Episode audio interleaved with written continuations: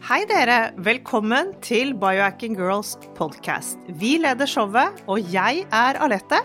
Og jeg er Monica. Vi er gode venner og kolleger, og vi legger sammen våre erfaringer og kunnskap for å inspirere deg til å bli din egen biohacker og optimalisere livet ditt.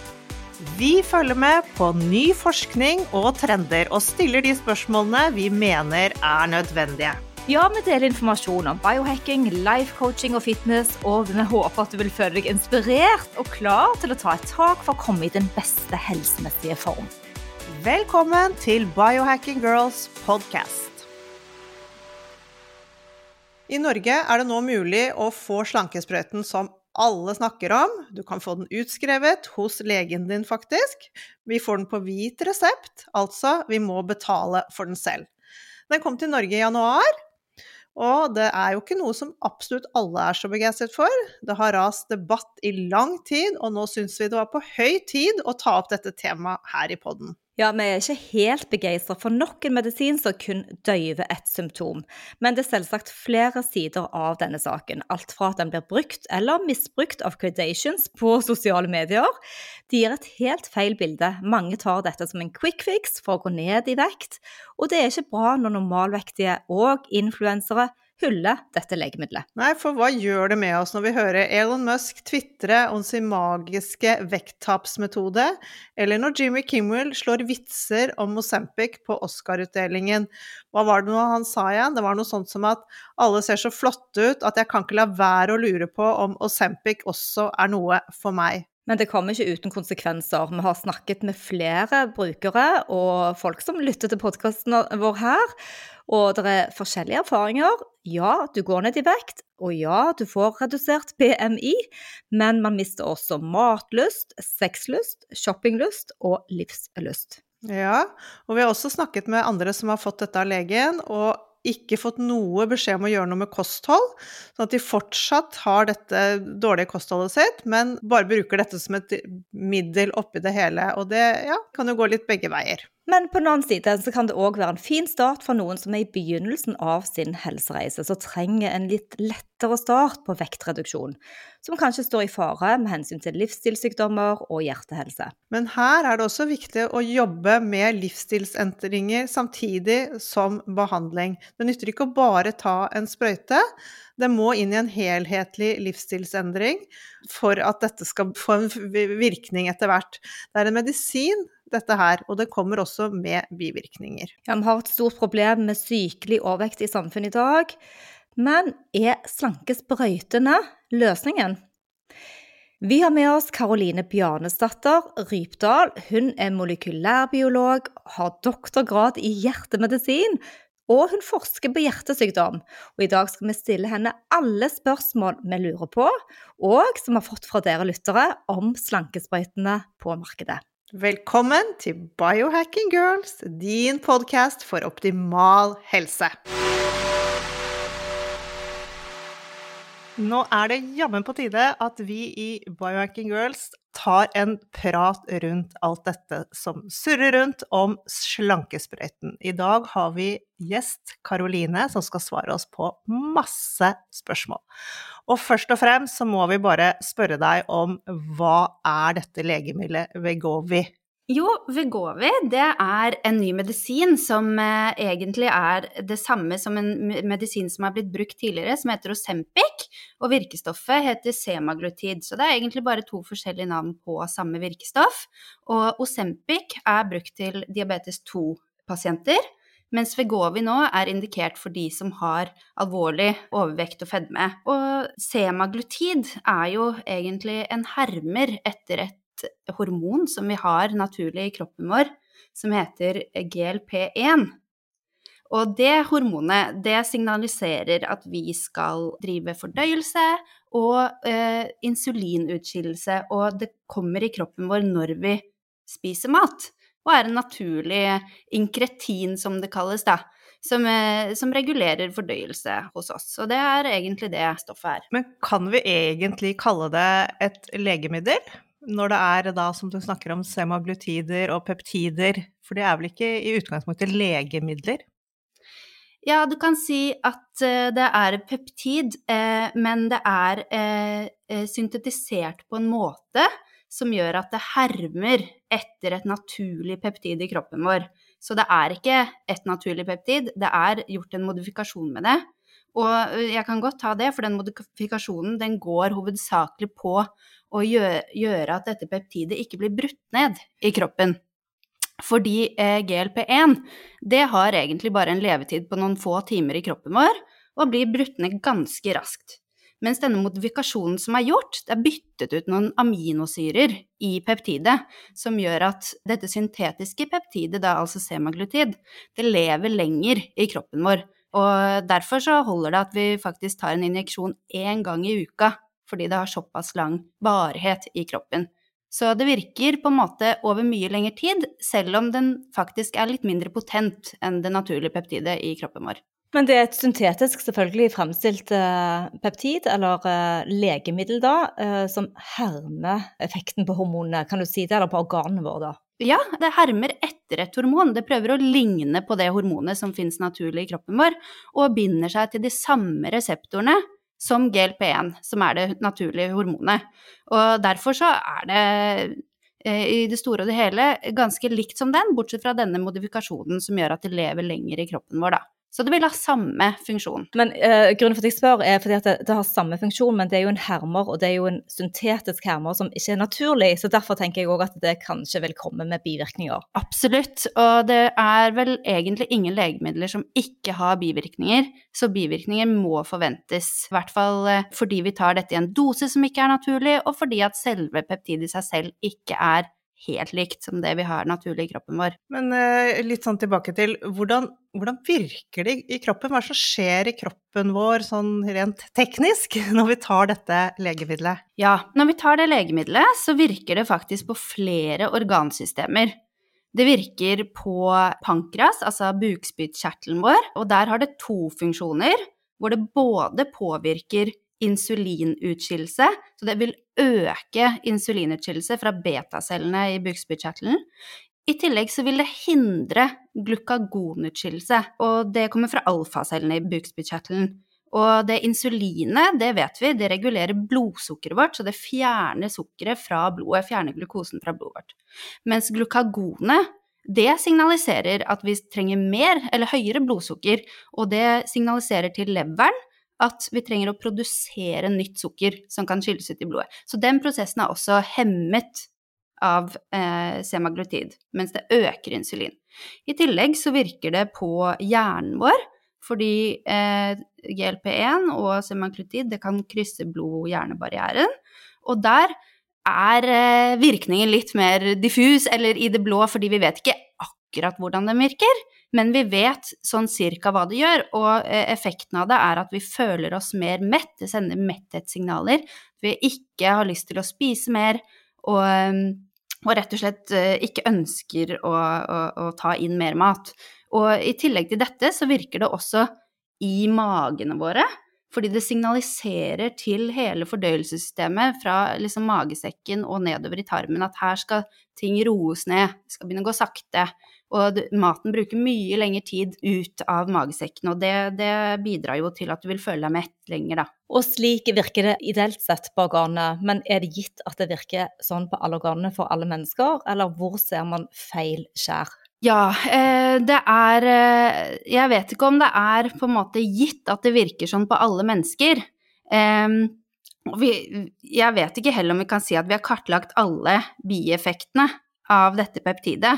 Eh, men det vi kan si, er at det ser ut til å være ganske trygt å bruke, fordi eh, varianter av dette peptidet, eller et syntetisk peptid, har vært brukt i 19 år. Da ikke under navnet semaglutid, det var litt annerledes. Den første hermeren som kom, het liraglutid, og den er nesten lik og virker på samme måte, men har litt svakere effekt og har vært brukt til diabetespasienter lenge og inntil i fjor var den også brukt for overvekt i Norge. Eh, eller den er fortsatt brukt, men da var den på blå resept. Eh, etter Vegovi kom, semaglutid, så ble den også tatt av blå resept ettersom det ble gjort en analyse av hvorvidt dette var kostnadseffektivt eller ikke, og det ble bedømt at det ikke var det. Når du sier ganske trygt, kan ikke du bare utdype det?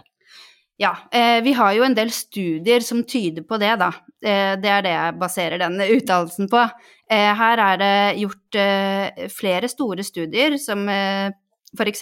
STEP-studiene, som er på en måte fem store studier i én, hvor de ser på virkningen av semaglutid, og ser at i pasienter så har det ikke mye bieffekter, eller adverse effect, som vi kaller det, men har den ønskede virkningen. Men dette er studert i en spesifikk pasientgruppe, og det er studert hos de som har diabetes type 2, og de som har alvorlig overvekt eller tilleggsindikasjoner som eh, tegn fra kardiovaskulært system.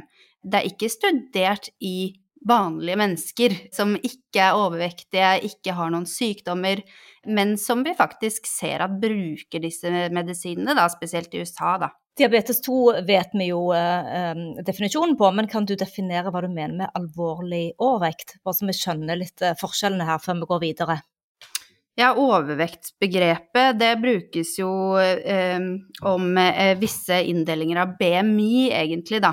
Eh, så hvis du har en BMI over 25 eh, så er du vel overvektig, men de, eh, den gruppen som er studert, er faktisk de som har BMI over 27 pluss en tilleggssykdom, f.eks. diabetes eller høyt blodtrykk eller eh, andre ting. Eh, hvis de ikke har tilleggssykdommer, så skal de ha BMI over 30. Og da begynner vi å snakke det som kalles fedme, da. Og så er det grad 1 og 2 og 3 av fedme som går til over 40. Så dette er jo da en slankemedisin. Men det har vært noen studier nå også på at det kan hjelpe til med hjerte-karsykdommer. Stemmer det, eller er det da fordi disse personene som er studert, går ned i vekt? Er det da en bivirkning av det, eller er det selve medisinen? Ja, det er et veldig godt spørsmål, og egentlig grunnen til at jeg som hjerteforsker ble interessert i disse peptidene i utgangspunktet, for jeg er jo ikke fedmeforsker, men det som nylig ble lansert av Novo Nordisk, da, som er et dansk selskap som produserer Vegovi, de har gjort en studie på pasienter hvor de ser på eh, overvekt og hjerte-karsykdom hvor de ser at de har nå meldt en presseuttalelse, vi har ikke sett dataene, men de melder at det har redusert kardiovaskulære hendelser, dvs. Si infarkter eller andre ting fra det kardiovaskulære system, som eh, eh det er redusert med 20% og det er faktisk ganske utrolig. Eh, hvis det stemmer, eller det stemmer nok, men vi må jo se nærmere på dataene når det kommer. Men vi har jo visst at det ser ut til å påvirke hjerte-karsykdom fra de andre studiene som er gjort på de som har diabetes type 2 og tilleggssykdommer, men der er det gjort studier som egentlig ser på er den sikker nok, dvs. Si den er ikke dårligere enn placebo når det kommer til kardiovaskulær sykdom, og det har man kunnet konkludere at den ikke er, og vi ser i tillegg at den gjør noe med kardiovaskulær sykdom der, men det har ikke blitt vist ordentlig før, da. Eh, og i hvert fall ikke de som ikke har diabetes. Og så har vi også fått indikasjoner fordi de vektstudiene som har blitt gjort på Vegovi, der har den en god effekt. Den reduserer vekt med ca. 15% og den reduserer kardiovaskulære risikofaktorer som blodtrykk, blodsukker, lipider, eh, den type ting. Så dette er veldig lovende. Og så spør du om det er pga. vekttapet. Ja, antagelig. Stort sett så ser det ut som det vekttapet i seg selv det er jo en så stor risikofaktor for kardiovaskulære hendelser at det antagelig eh, kan forklare mye av det. Men hvis man går litt inn i detaljene i studiene, så er det noe veldig interessant, og det er at de menneskene som kanskje ikke har, altså de individene som ikke har hatt så stor respons på vektnedgang, har likevel hatt en stor bedring i kardiovaskulære utfall, f.eks. blodtrykket eller eh, hendelser. Så det tyder jo på at det er en ekstra dimensjon til disse peptidene, annet enn å bare redusere vekten. Ja, det var veldig oppklarende, og du som hjerteforsker da må jo kanskje synes dette er litt optimistisk. Vi har snakket med en del, vi har eh, kontaktet på Instagram og spurt om noen brukere, noen som bruker slankesprøytene, kunne melde erfaringer inn, og vi har én da og hun hadde 40 i BMI. Etter 23 uker så var hun 20 kg lettere og nede i 33 i BMI. Hun har ikke økt blodtrykk, og hun har heller ikke fått økt noe kolesterol, altså det er fint nivå på, og hun har tilleggssykdommer. Og det hun sier, at hun føler seg vel, selvfølgelig det, det kommer alltid med en litt sånn redsel og bivirkninger, men men at nå har han fått uh, mot til å ta andre typer strategier da, i forhold til trening og mat, og ta fatt på det. Hva tenker du om dette, uten at du skal liksom tolke hennes situasjon, da? Nei, jeg syns det er veldig interessant, fordi det går litt på den kritikken som jeg opplever at folk kommer med litt sånn umiddelbart, litt sånn ryggmargsrefleks, som at du kan ikke ta en pille, og det skal fikse alt. Um, og det tror jeg heller ingen tror eller mener. Men det er mye som tyder på at disse medisinene faktisk kan være det som, det som setter i gang at folk kan klare å ta de riktige stegene da, mot bedre helse. Eh, det er jo Hvis man hører på leger i USA som forskriver disse medisinene til pasienter Jeg har hørt en del på hva de sier på ulike podkaster, og de forteller jo akkurat dette her at pasientene deres får et nytt liv. De opplever at de endelig har sjans til å komme litt ovenpå og få litt kontroll, fordi mye av problemet, slik jeg har oppfattet det, når det gjelder sykelig overvekt, fedme, det er jo en sykdom som, som har tatt over hjernen, i, i den forstand at det, no, mange av disse klarer ikke å ikke tenke på mat. Det, det svirrer i hodet hele tiden, og det blir en forferdelig belastning som, som, Ja, du skal ha ganske mye mer enn litt viljestyrke for å klare å stå imot det. Hvis du da får den hjelpen til å bare bremse dette her, disse tankene om mat hele tiden, da er det mye som tyder på at du klarer å liksom gå en liten vei selv. Men eh, det gjenstår jo å se, da. Men eh, jeg syns det høres veldig bra ut. Ja, for vi har også snakket med noen som faktisk opplever akkurat det der med emosjonell spising, som selvfølgelig veldig mange av disse veldig overvektige lider av, at det, det er det hjernespinnet, at det forsvinner, og at det faktisk er en hjelp. Det var en faktisk som hun brukte sprøyten ganske lenge uten å gjøre noe med kostholdet. Det var fortsatt McDonald's og potetgull, men bare i mindre mengder, for hun klarte jo ikke å spise så mye. Og gradvis over tid akkurat det som du sier, så ble det en endring, og nå er hun helt superinteressert i kosthold og faster, og, og det, men det har tatt lang tid, men har, og dette har hun klart på egen hånd. Ja, det syns jeg er kjempeinteressant, og det tyder jo på at det er, eh, det er ikke så dystert som eh, mange kanskje tenker med en gang, fordi du hører at du må gå på de sprøytene kontinuerlig for at det skal ha effekt, fordi studiene viser jo at du går tilbake igjen til samme vekt hvis du slutter. Men de studiene er også designet for at du ikke skal gjøre noen endringer etter det. Eksempel en studie som tydelig viser effekten av Vegovi på overvekt og fedme. Den har sett på Vegovi i den ene armen, placebo i den andre armen. Begge fikk i tillegg insentiv, eller de skulle gjøre livsstilsendringer. De skulle trene og spise sunnere. Eh, men ikke noe veldig detaljert. Men det var beskjeden. Og så, etter eh, en viss tid, ca. et år, så skal de gå av medisinen, både placeboarmen og Vegovi-armen, og gå av livsstilsendringene. Det får de beskjed om. Du skal slutte å gjøre de livsstilstiltakene vi gjorde. Og alle går opp igjen. Og placebo hadde mistet litt vekt, ja, det gikk også opp igjen. Eh, så det er jo helt tydelig at det må følges av livsstilsendringer hvis du skal ha en varig effekt, eller så må du gå på det for alltid. Men det går også rykter om at disse medisinene de har bare effekt i seks måneder. Stemmer det? Ja, det er faktisk eh, det vi ser på de dataene som er blitt publisert. Der ser du typisk eh, Ofte så følger de pasientene litt over et år. Og i løpet av de første seks månedene så er vektnedgangen ferdig.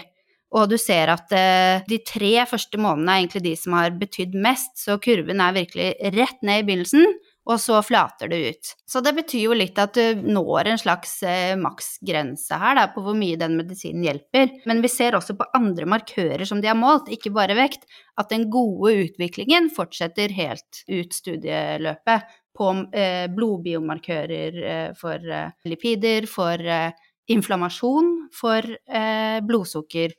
så det er ingen som går opp igjen heller, da på den medisinen. Og så har vi òg snakket med en som har byttet mye medisiner fra Osempic til Altså hun har prøvd eh, tre forskjellige og mange ulike doseringer. Og hun har aldri klart mer enn 20 kg kilo maks nedgang med den siste medisinen som jeg tror da må være Ja, da var Vegovi. Uh, er det forskjell på det òg, da? At man noen responderer uh, uten å gå ned i vekt? Det er det nok, fordi studiene viser også en stor individuell variasjon. Og i tillegg så må den eh, Du må lande på din dose der den fungerer best. Det må liksom finnes ut av underveis, og det avhenger litt av hvor mye bivirkning man får. For den store majoriteten som begynner på dette, her, får store bivirkninger i begynnelsen fra hele fordøyelsessystemet. Og det er tilpasningen til medisinen. Etter hvert så går det over når du finner din dose, men noen klarer ikke en veldig høy dose, noen må ha litt lavere. Eh, men det som er interessant, er at eh, det vi har på markedet nå, er jo semaglutid, Vegovi, eh, men det har kommet flere slike peptidhermere som ser ut til å ha enda større effekt enn semaglutid.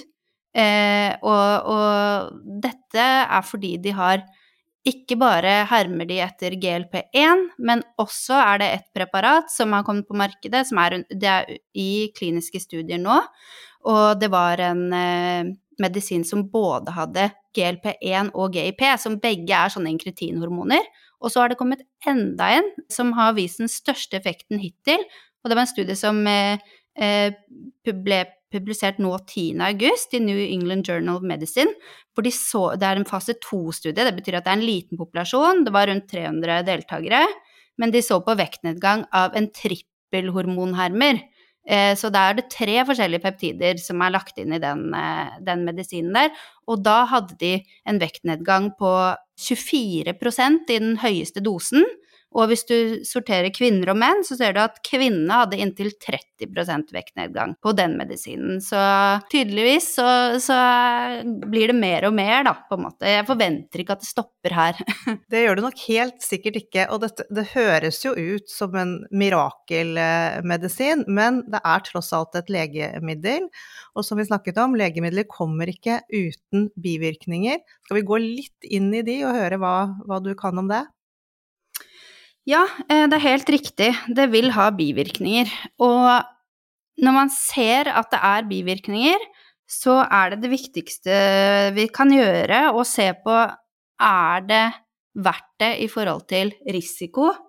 Altså risiko for hvilke sykdommer du tar, får uten denne medisinen, og risikoen ved å bruke medisinen. Og jeg vil si at så langt så ser det ut som for den pasientgruppen som faktisk er studert i kliniske studier, og hvor denne medisinen er indikert, der vil jeg si at det er helt overveldende at den medisinen har bedre effekt på risikoen de har fra før, enn risikoen ved å ta den. Og så er jo dette blitt litt sånn trendmedisin i USA, da hvor det er lett å få tak i, og alle som har penger, kan få tak i det. Og eh, der er det jo blitt vanlig, nærmest, å ta det bare fordi du har lyst til å gå ned noen kilo til sommeren og sånn, og det ville jeg vært veldig skeptisk til. Det har jo kommet noen innvendinger etter disse kliniske studiene på at du mister en del muskelmasse samtidig som fettmassen. Og så er det jo Noen roper høyt at du, du mister nesten alt muskelmasse, og det er alarmerende, mens andre sier at eh, nei, det er ikke mer enn andre slankemetoder. Eh, så vi må jo se på hva, hva som er vist da, vitenskapelig. Og det som er vist, er at du mister ikke bare fettmasse. Lean body mass, som vi kaller det, det er liksom det målet som ikke er fettmassen som vi ser på. Det er typisk evaluert ved en DEXA-scan, som er en sånn røntgenskanner. Men det den ser på da, er er det fett, eller er det ikke. Så lean muscle mass er alt som ikke er fett. Og da blir det jo mest muskler, men det er også vann som er litt viktig å ha i bakhodet, tenker jeg, fordi mange som er uh, veldig overvektige, de har også mye vann opphopet i, i organene sine. Men det er helt klart også muskelmasse. Men studiene viser ikke at det er mer muskelmasse som forsvinner enn ved f.eks. en sånn uh, operasjon, da, en gastrisk bypass eller en sånn magesekkoperasjon. Der ser man også at det reduseres, men det ser man også med kalorirestriksjon både fett og muskelmasse mister man, men det er gjerne en to-én-forhold, da. To fett og en, en, lean body mass. Så er det vært litt diskutert om disse semaglutid-peptidene om de, de, fører til mer muskelmasse enn de andre metodene. Fordi i noen av studiene så er det vist en reduksjon av vekttapet som utgjorde 40% lean body mass. Det er vist i to studier. Men det skal sies at de studiene er små, og de har eh, gjort denne DEXA-scannen hvor du ikke kan anta at alt er muskler.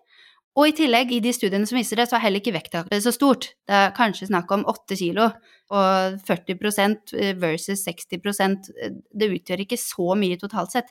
Men, men allikevel, det betyr bare at det er utrolig viktig å følge opp de pasientene som får dette her, med livsstil og kosthold, og sørge for at de mister minst mulig muskelmasse, fordi det er virkelig mulig å, å eh, forhindre tap av muskelmasse ved vektnedgang. Det har vi sett mange studier på. Vi skal komme litt tilbake til eh, den målgruppen du snakket om nå, som da vil miste lite vekt, og hvordan man kan bruke, eller gjør det i dag, bruke sprøyten som eh, middel for det. Men tilbake igjen til noen av de vi har snakket med, og bivirkninger, så var det spesielt én som hun har mistet shoppinglyst, matlyst, sexlyst, um, mental helse har blitt dårligere, har blitt sintere og føler seg fortvilet og kjenner ikke seg selv igjen, og mannen reagerer på henne, og hun måtte rett og slett begynne på hormoner i tillegg. Uh, og nå skulle hun vurdere å bytte medisin. Ja, det høres ikke bra ut uh, i det hele tatt. Og jeg ville jo tenkt at hvis du opplever så sterke bivirkninger, så vil kanskje det beste være å gå av medisinen. Men det er jo selvfølgelig opp til legene å, å bedømme. Men jeg tenker at det må være klare eh, indikasjoner for når det passer å bruke medisinen og ikke, og om du faktisk får målbare, gode effekter av medisinen. Hvis det er sånn at du får bivirkninger som, som eh, ikke eh, eh står i på en måte relasjon til de gode effektene, så, så, så gir det jo ikke mening, egentlig. Og der er problemet òg, for vi snakket med en annen dame igjen da, som eh, hadde litt tilsvarende. Hun var flat i humøret og irritabel og hadde gått ned jeg tror det var 30 kilo måtte leve med den negative siden med humøret sitt og litt deprimert. Men hun var livredd for å slutte, da, for hun trodde hun skulle legge på seg de 30 kiloene med en gang. Og føler seg på en måte litt fanget i dette. Ja. Eh, nei, hva skal man si til det? Det, det, det virker som at eh, man trenger god oppfølging, er det jeg tenker når man går på de medisinene her. At det er, du, du, kan ikke bare gå på de og si 'problem fixed' og ha det bra. Du må virkelig følges opp, og, og, og, selvfølgelig, alt som kommer i tillegg, må følges opp. Men hvem følger opp? Hvem kan nok om legemidler til å følge opp disse optimistiske, håpefulle som har lyst til å begynne på sprøyten, da?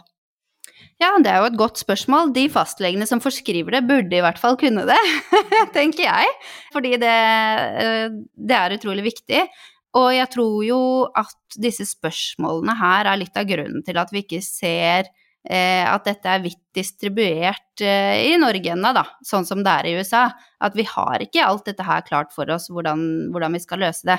Men hvis nettoeffekten av en medisin er bedre helse og bedre eh, livskvalitet for en stor pasientgruppe, så ser jeg ikke hvordan vi kan komme utenom å bruke det. Ja, og i Norge så får vi jo denne sprøyten på hvit resept. Det betyr at du må betale for den selv. Så hvor mye koster det, er det kostbart? Hvordan gjør man det da praktisk? For du må jo ta denne sprøyten ganske ofte. For gjør du det selv hjemme, eller går du til legen din?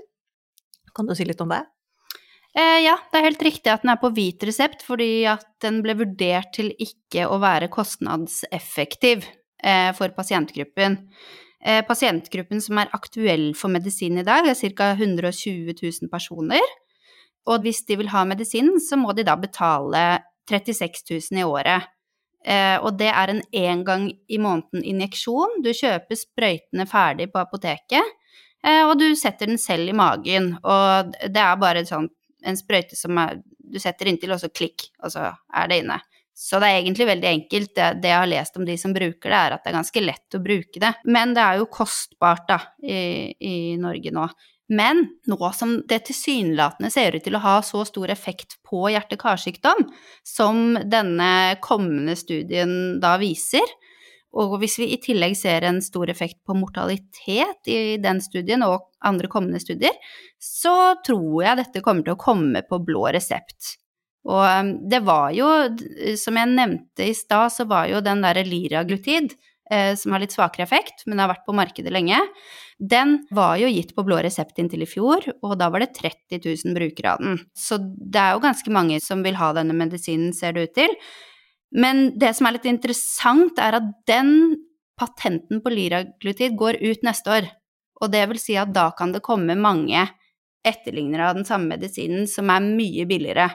Så dette gjelder ikke semaglutid, som har større effekt, men denne her har også effekt på de samme tingene. Og den vil nok komme ganske billig i årene som kommer, og tilgjengelig for ja, de fleste.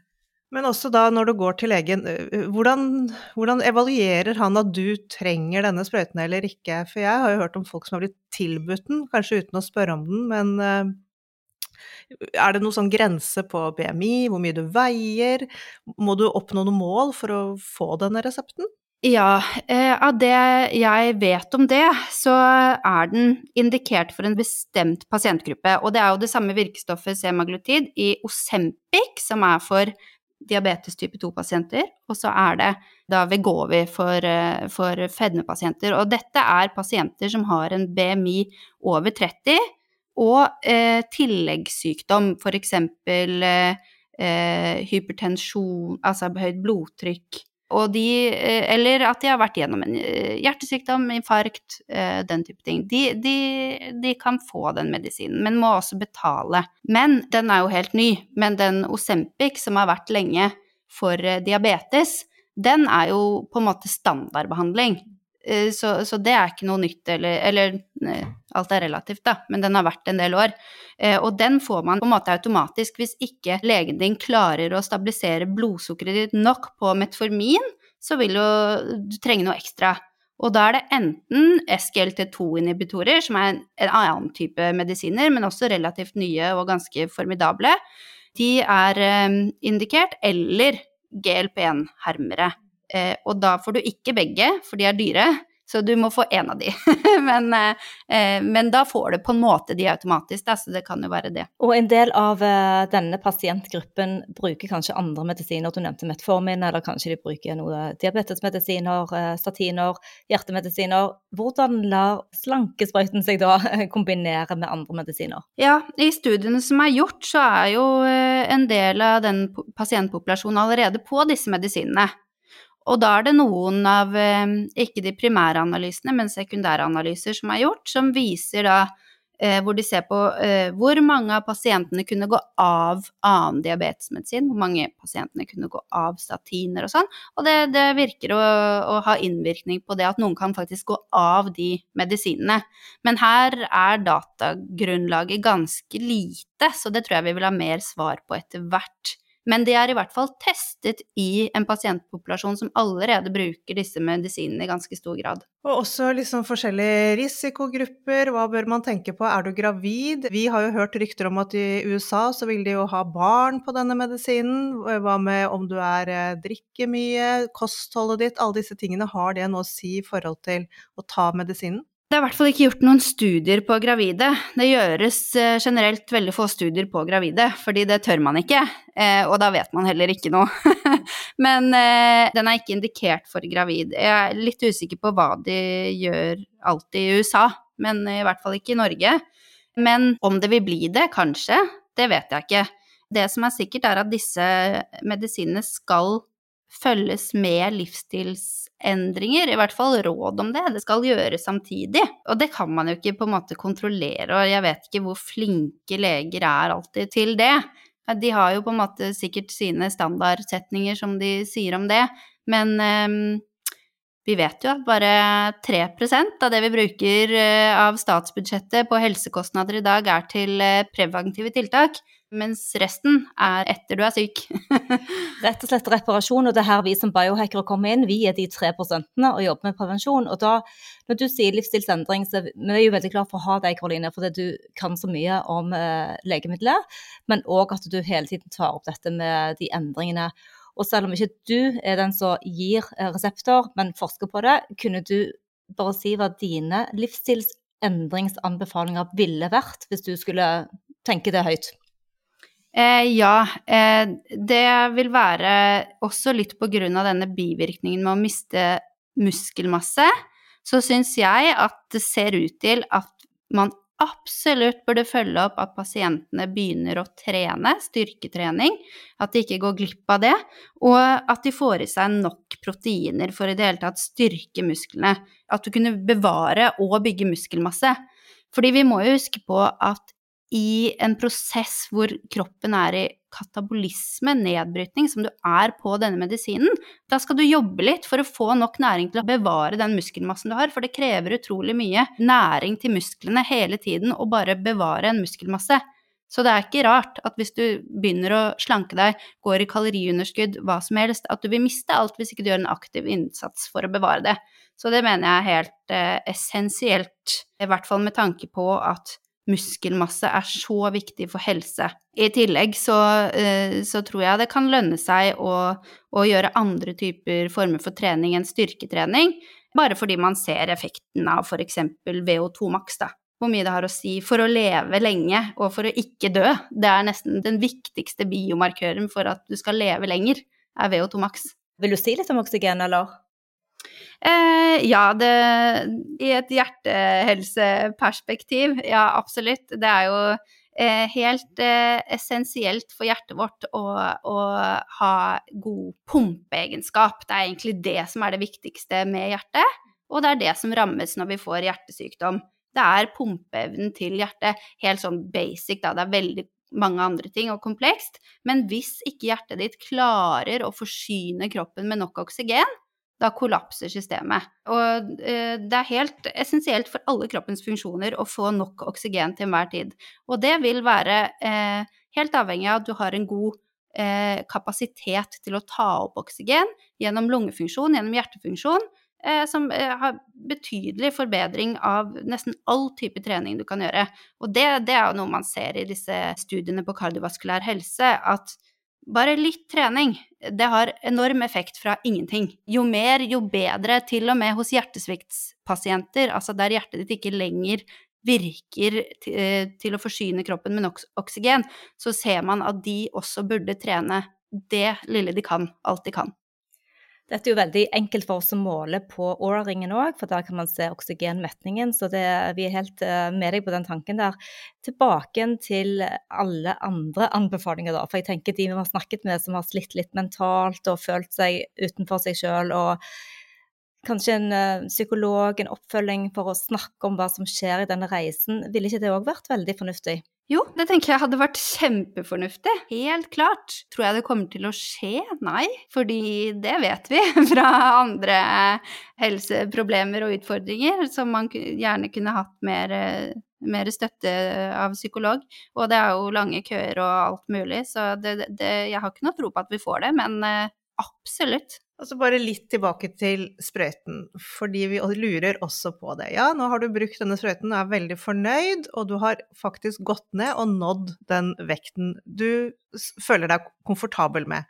Kan man da slutte, eller må man ta dette resten av livet? For de vi har snakket om, er jo veldig redde for å slutte. Ja, og det skjønner jeg, fordi studiene viser jo faktisk at man går opp igjen i vekt. Så spørsmålet da er vel om du har klart å etablere en bærekraftig livsstil på de medisinene. Om, om det er noe som, som, du klarer å bevare selv om du går av medisinene. Jeg tror at hvis du har gjort det over lang tid, så, og har faktisk fått en ny livsstil, ikke bare en midlertidig eh, diett eller eh, noe, noe, du føler du kan leve med, så, så, vil jeg jo tro at det kan ha langtidseffekt. Men det, det, vet vi jo rett og slett ikke, da. Vi vet ikke helt hvordan det vil påvirke. Jeg tenkte på skulle si Det at eh, det med oppfølging, det finnes jo noen har fortalt oss om en Facebook-gruppe som uh, mange som bruker medisin, snakker sammen og deler erfaringer. Og, og det er jo fint at det er iallfall et forum der, da. Hvis det er noen som lytter på og ikke vet om det, så har iallfall vi blitt informert om den Facebook-gruppen. Skal vi gå litt over til den brukergruppen som nå eksploderer litt i USA, og det er den nye slankesprøyten, og det tulles og tøyses med på rød løper og her og der, at alle ser så amazing ut at nå får vi går vi hele gjengen. Er du bekymret for den type utvikling, og kan det komme her til Norge? Eh, ja, jeg vil si at det høres urovekkende ut. Fordi du kludrer jo med ditt naturlige system. Som virker. Hvis du er normalvektig og sunn og frisk, så, så, virker det systemet. Og hvis du forstyrrer det, da kommer det i ubalanse. Så jeg, jeg vil jo tro at det kan ha noen eh, ikke heldige effekter. Og de har heller ikke eh, studert eh, denne gruppen av mennesker, da. Det er jo ikke studert hva semaglutid gjør med de pasientene. Vi vet ikke om det er like effektivt eller sikkert i den pasientgruppen. Men eh, jeg ville i hvert fall eh, ikke tatt det. Og jeg tror jo på en måte ikke det kommer til å bli sånn i Norge, for vi er litt mer konservative. Men samtidig så vet vi jo at eh, hvis en bølge kommer til USA, så kommer den gjerne til Norge òg. Men ja, det gjenstår å se. Foreløpig så er det jo strengt regulert da, i Norge. Men kanskje. Ja. Vi har iallfall snakket med én person som bare har noen få kilo, som har lyst til å bare ikke ha så mye matlyst. Ja, ikke sant. Og det tror jeg kanskje gjelder mange. Og det, det, da ser man jo på det som en slags quick fix da, til å komme i ship shape fort. Men eh, eh, jeg er ikke sikker på at det egentlig er heldig for deg in the long run. Eh, det, det, er jeg virkelig ikke sikker på. Nei, det er det nok helt sikkert ikke. For det å gå opp og ned i vekt hele tiden og slutte å, å, å starte med en sånn medisin, det, det høres uheldig ut. Så vi får bare oppsummere at uh, vi vet ikke bivirkningene av uh, hvordan denne medisinen virker, hvis du faktisk ikke trenger den sånn så i fedmesammenheng, eller hvis du har uh, andre typer sykdommer, Karoline. Men er det andre ting man kan måle eller se? Vi er biohackere, og vi er opptatt av å forstå helsebildet, ikke bare fra et sykdomsperspektiv, men da de tre prosentene som vi snakket om. Eh, ja, eh, det er jo faktisk eh, I disse studiene som er publisert, så er det Eh, noe som heter uh, supplementary material, kan, som ikke ligger i selve artikkelen, men som ligger i tillegg hvor du kan gå inn og se på alle tabeller og alt de har målt og alt de har sett på. Og det som ikke har vært uh, nevnt i noe særlig grad, er jo at på, denne medisinen påvirker hjerterytmen og det øker eh, hjerterytmen din med eh, Det er stor variasjon hvor mye det øker, men i noen av studiene har det vært gjennomsnitt fem slag i minuttet, som jeg tenker er ganske mye å, øke en uh, hvilepuls. Um, vi vet ikke om det vil ha noen konsekvenser, men vi vet jo at HRV, som jo går direkte på hva pulsen, hvilepulsen din er, den er jo en biomarkør for helse. Og hvis HRV-en din blir lavere, så er det ikke nødvendigvis et godt tegn for systemet ditt. Og da vil jo man lure på om de, eh, den effekten kanskje kan egentlig påvirke kardiovaskulære systemet ditt negativt eh, på lang sikt. Men selvfølgelig, eh, der er det jo helt vesentlig å se på hvilken pasientgruppe du gir dette her til. fordi er det noen som har stor kardiovaskulær risiko i utgangspunktet, så ser vi at effekten er jo såpass formidabel at du vil ikke vil ikke la en litt økt hvilepuls eh, på, på, en måte ødelegge for det. Men i en helt normal person som ikke har en økt kardiovaskulær risiko, så kan det jo faktisk være eh, dårlig for deg, da. Og det vet vi ikke, for det, det har vi ikke sett effekten av. Da må jeg igjen spørre deg, når du sier dårlig for deg, så er det i hjertesammenheng du tenker på at eh, på sikt så kan det få konsekvenser? Ja, eh, da tenker jeg på dette målet HRV, egentlig, som, eh, som, vi gjerne bruker som helse... Fordi det er jo Altså, HRV er jo hjerteratevariabilitet, som vil si hvor stor variasjon det er mellom pulsslagene dine. Og det reflekterer om du er i stress, eller om du er i hvile, hvor godt på en måte det parasympatiske nervesystemet ditt klarer å aktivere. Og vi vet at er du stressa, så er HRV-en din lavere. Og er du stressa, så har du større risiko for kardiovaskulære hendelser og sykdom. Eh, det er godt dokumentert. Et, større, et mer aktivert nervesystem, og du ikke klarer å roe ned. Da syns jeg kanskje på slutten av episoden her at vi skal snakke med deg litt, med deg litt om andre tiltak, andre strategier, eh, peptider eller medisiner eller kosttilskudd som kan være aktuelle for eh, oss, eller de som er litt mer normale da, i vekt, som ønsker en endring, og ikke så vi anbefaler ikke ta den quick fix-medisinen. Ja, for folk som ikke er aktuelle for Vegovi, så ville jeg jo Det er på en måte min filosofi. Start med å spise det som er mat. Som, er, som ikke er ultraprosesserte ting som ikke ligner på mat lenger. Det er, spis hel mat, fordi er det noe dette forteller oss, disse peptidene forteller oss, så er det at eh, hvordan maten beveger seg gjennom fordøyelsessystemet vårt, og hva slags signaler som kommer allerede fra vi tygger maten inn i munnen, det har mye å si for hvordan maten påvirker kroppen. Og det er jo det, Hvis jeg kan smette inn noe som er litt interessant med de, eh, med de peptidene, eh, så, eh, så, er det jo det at i en naturlig situasjon, når du spiser og får glukose inn, så øker jo det blodsukkeret ditt. Og da vet man at man får en insulinrespons. Men den insulinresponsen, den kommer ikke bare av at blodsukkeret har økt. Den kommer du, eh, allerede mens du har maten i munnen, og det er igangsatt av disse inkretinene, nettopp disse GLP-1-hormonene. Eh, og man har gjort studier på hvis du gir noen eh, samme mengde glukose rett i blodet, intravenøst, eller om du drikker det, sånn som man gjør med en glukosebelastningstest, så vil eh, insulinet ditt det vil bevege seg helt annerledes.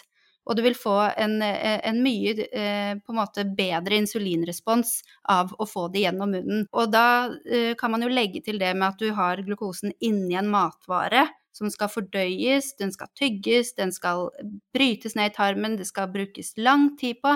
Alt dette her vil ha mye gunstigere effekt på blodsukkeret ditt enn Jeg vet ikke hva dere forfekter, men jeg er ikke noe fan av uh, super smoothie shots med bær og alt sånt som bare gir blodsukkerspikes og, og ikke noe mer å jobbe med for systemet. Jeg tror det er veldig viktig å spise hel mat og råvarer. Det, eh, det mener jeg.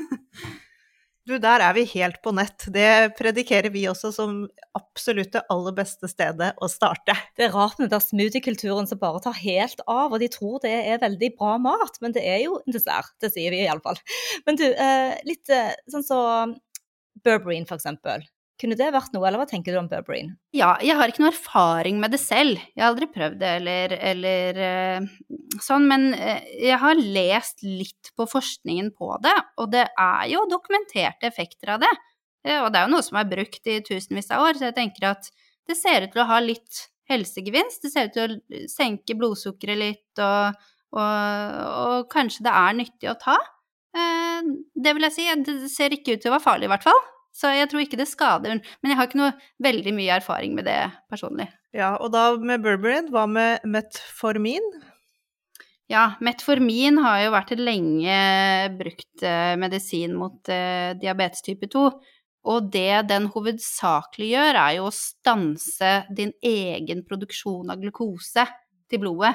Den, den, eh, den, gjør at leveren ikke begynner å lage ny glukose som det pumper ut i blodet. Eh, så den er veldig effektiv på å senke blodsukkeret. Og ehm, ja, den har jo en del effekter som man kanskje ikke har kartlagt alle av heller. Men, eh, men ja, det er, en, det vil si, det er en standardmedisin som er trygg å ta. Om den er nyttig for alle, det vet ikke jeg. tror ikke den er farlig, men, eh, men den er i hvert fall nyttig for diabetes type 2-pasienter. For der kjenner vi iallfall veldig mange som bruker Metformin, og da er vi jo litt redde for at det nå skal det neste legemiddelet vi går ved, ta over for den. Ja, ikke sant. Ja, eh, og det Jeg tror ikke du på en måte kan forhindre det, at folk slenger seg på disse tingene, fordi folk vil ha quick fix. Men eh, det, min mening uten tvil er at det beste for helse er å prøve å optimalisere det systemet ditt på en naturlig måte, for det er det som er bærekraftig på sikt. Du vil ikke være avhengig av å kjøpe medisiner for at du skal ha god helse, på en måte. Da, da føler jeg at da har du ikke god helse. Til slutt så må vi bare spørre om du har lest noen studier på eplesider eddik, som vi bruker mye før maten eh, for å stabilisere blodsukkeret. Eh, ja, jeg har sett at uh, det har den effekten, og heller, jeg må innrømme, jeg har ikke satt meg så mye inn i det heller. Eh, men det, det, tror jeg heller ikke er noe spesielt farlig, så jeg, jeg tror ikke vi trenger å fraråde noen å, å, bruke det.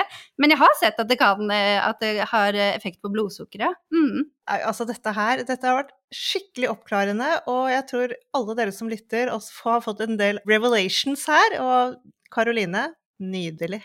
Tusen takk for at du kom og delte kunnskapen din. Eh, vi skal selvfølgelig fortelle hvor eh, de kan finne deg. Kan du si hvor du er? Da?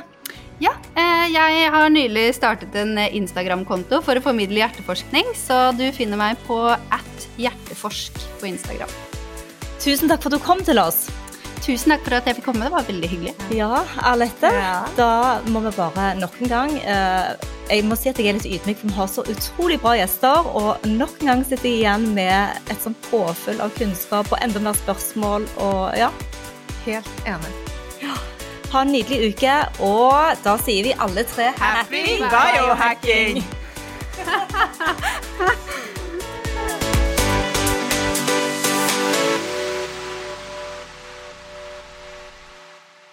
Vi minner om at dere må snakke med egen lege eller kostholdsveileder om dietter og andre spørsmål relatert til medisiner og supplementer. Informasjon vi deler, kan ikke bli brukt til å diagnostisere, behandle, forebygge eller kurere noen sykdommer eller tilstander.